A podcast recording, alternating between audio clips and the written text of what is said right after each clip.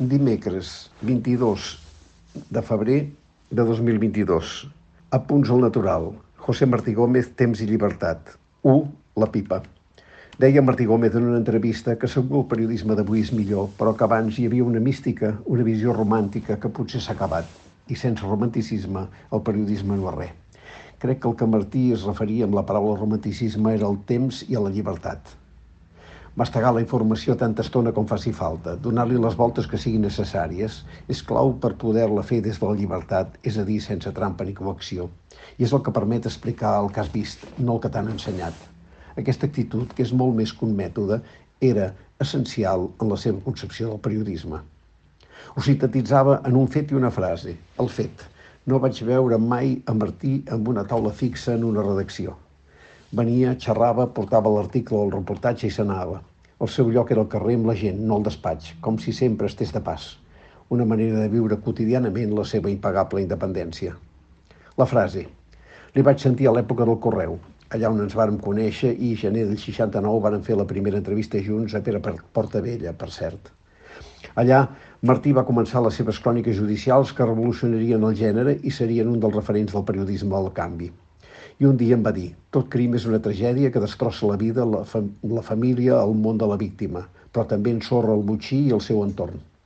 No ho he oblidat mai, i és la millor síntesi de la idea del periodisme de Martí. No li interessava tant la notícia com les persones que la protagonitzaven. Tota activitat humana, també els crims, són entre persones que comparteixen la mateixa condició d'éssers humans.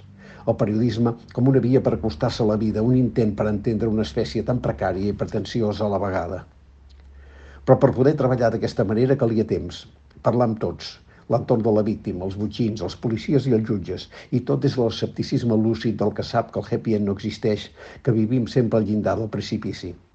I tanmateix, com ha recordat en un tuit de la seva família, li agradava dir que a, pesar, que a pesar de tot, la vida és bonita. Per poder-la gaudir has de tenir de tot menys pressa. La vida, com les notícies, cal rosegar-la. I en els anys 70 i 80 ara està mal vista el fum de la pipa era un acompanyant que marcava les pautes de la desolació del temps, de les converses que podien semblar inútils fins que apareixien les sorpreses. 2. Crònica i reportatge. Els gèneres periodístics són dos, la crònica i el reportatge, la resta són complements. I crec que aquesta idea que Martí va portar a la pràctica durant tota la seva carrera segueix sent perfectament vigent. És a través d'aquests dos gèneres que la complexitat dels humans arriba a l'espai mediàtic i hauria de seguir-hi arribant si no volem que l'esprit se'ns acongeixi sota la pluja dels like i l'esquifidesa dels tuits. Tot està inventat.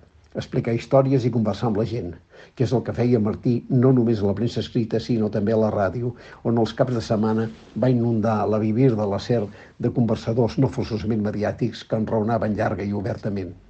A finals de novembre em va fer arribar dos llibres que havia acabat aquests anys. El càncer segueix aquí, em distrec escrivint, em deia. La curiositat, les persones i l'escriptura com a forma d'estar en el món d'un periodista que, a diferència del que passa sovint avui, sabia perfectament que el personatge no era ell, que la seva feina era fer parlar l'altre i que la tasca lent, lenta d'anar-se guanyant a l'entrevistat fins que les defenses es relaxin és molt més eficaç que el cop efectista de la pregunta retòrica, tan habitual avui. Era el secret d'una mirada singular que li permetia arribar més enllà, més profund que ningú.